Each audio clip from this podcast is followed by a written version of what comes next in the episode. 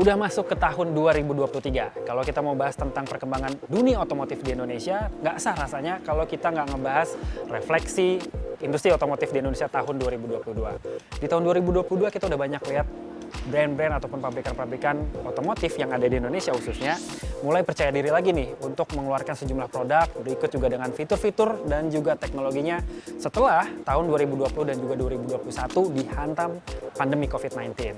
Kali ini saya akan ajak Anda untuk berbincang bersama dengan teman saya nih, ada di sebelah saya untuk melihat prediksi otomotif di 2023 akan seperti apa sih? Dan bersama saya sudah ada redaktur otomotif CNN Indonesia.com, Mas Muhammad Iksan. Apa kabar, Mas Iksan?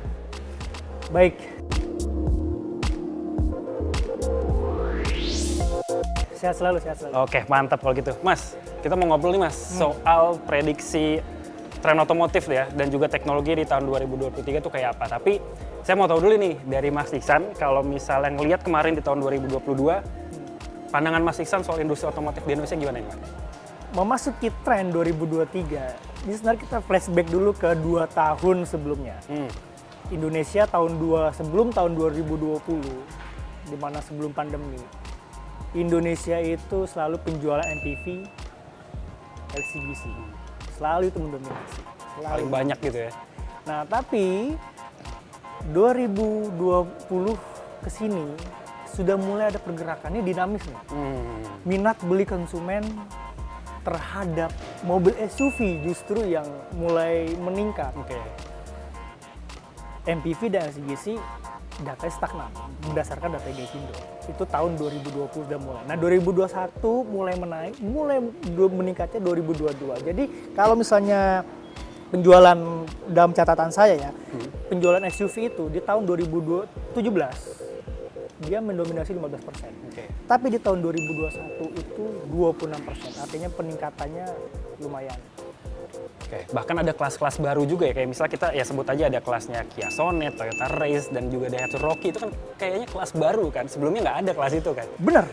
Karena belum karena karena mereka di brand itu melihat ada celah, ada ceruk di situ yang wah ini potensi nih di pasar Indonesia nih mau tidak mau yang tadinya kayak Rise Rocky kan awalnya kan di Jepang.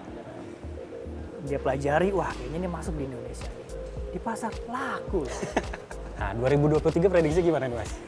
Masih, Masih sangat kan? menggiurkan SUV. Masih sangat menggiurkan. Masih sangat menggiurkan. Itu kan tadi tren soal jenis mobil ya. Hmm. Nah, kalau misalnya Mas Ihsan sendiri ngeliat di 2023 tren kendaraan listrik ini masih akan terus meningkat atau kefomoan orang di 2022 udah tersalurkan ah mobil listrik gitu doang gitu. 2023 gimana nih? FOMO, harus di garis bawah itu FOMO tuh. Mungkin awalnya FOMO, ya tren, Ya kan? gimana caranya punya duluan gitu, Eh, sesuai dengan komitmen pemerintah. Selalu eh, ngomongin soal mobil elektrifikasi, elektrifikasi, ya itulah mobil hybrid, plug-in hybrid, dan juga murni baterai.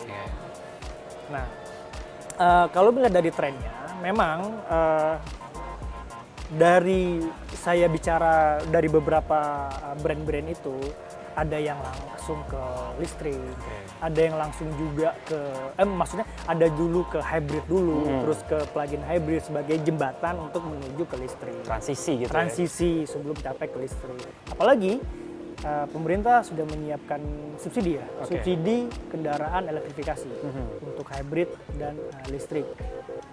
Ada beberapa persyaratan yang mau dibuat pemerintah untuk uh, kendaraan yang menerima subsidi. Nah itu saya yakin akan mendongkrak pasar kendaraan elektrifikasi di Indonesia. Oke. Tapi itu udah ketok palu belum ya? Loh. Belum ya? Loh. Tapi Masih di- kemungkinannya gimana kalau Mas? masih dibuat juknisnya kan. Eh, memang kan ada beberapa persyaratan. Apa persyaratan eh, salah satunya adalah eh, Produksi lokal gitu ya? produksi lokal, Oke. udah pasti.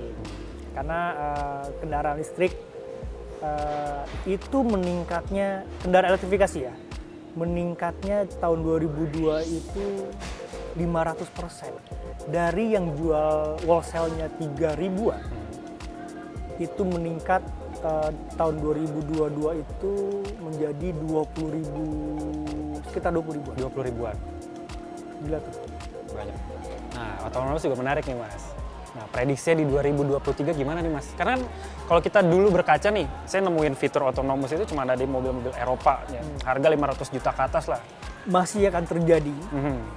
uh, tapi semi otonomos ya. Ya. Kan ada grade-grade-nya kan. Ah. 1, 2, 3, 4 sampai benar-benar fully otonomos.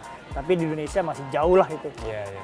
Uh, masih jauh untuk menerapkan teknologi seperti itu kan karena infrastrukturnya juga belum siap. Habit berkendara. habit ya. berkendaranya juga. Nah, kalau untuk semi otonomos salah satu fitur yang cukup digemari. Hmm. Dulu yang kita uh, pikir waktu mahal tuh, Iya. mahal tuh, iya, nggak mungkin lah kita bisa beli di harga mobil. Tapi nyatanya sekarang ada di mobil di bawah 400 juta. Iya, 400 juta bahkan ya. 10 juta. Tapi semi otonomos, dia hanya lane departure warning segala macam. Dia hanya sekedar uh, lamp keep assist, dia hanya juga pengingat segala macam. Tapi itu menarik menurut saya karena itu uh, untuk meningkatkan keselamatan berkendara. Hmm. Berarti bakal jadi fitur jamak dong ya ke depannya ya. 2000 2023 gimana? Bakal banyak nih? Nah itu dia 2023 kita belum bisa lihat nih Hmm. artinya model-model apa yang mau diluncurin sama produsen-produsen kan tapi yang jelas kalau misalnya udah model uh, udah model-model yang mahal yang Hmm. bakal masuk ke Indonesia yang sudah diluncurin di luar ya Pasti ada.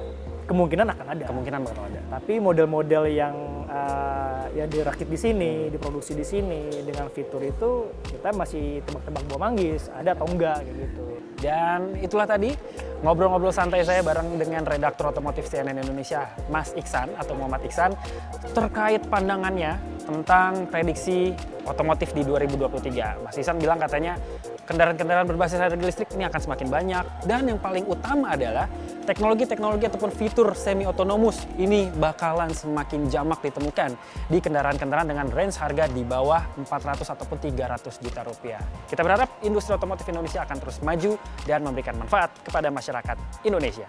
Albi Pratama, Bara Maestro, Jakarta.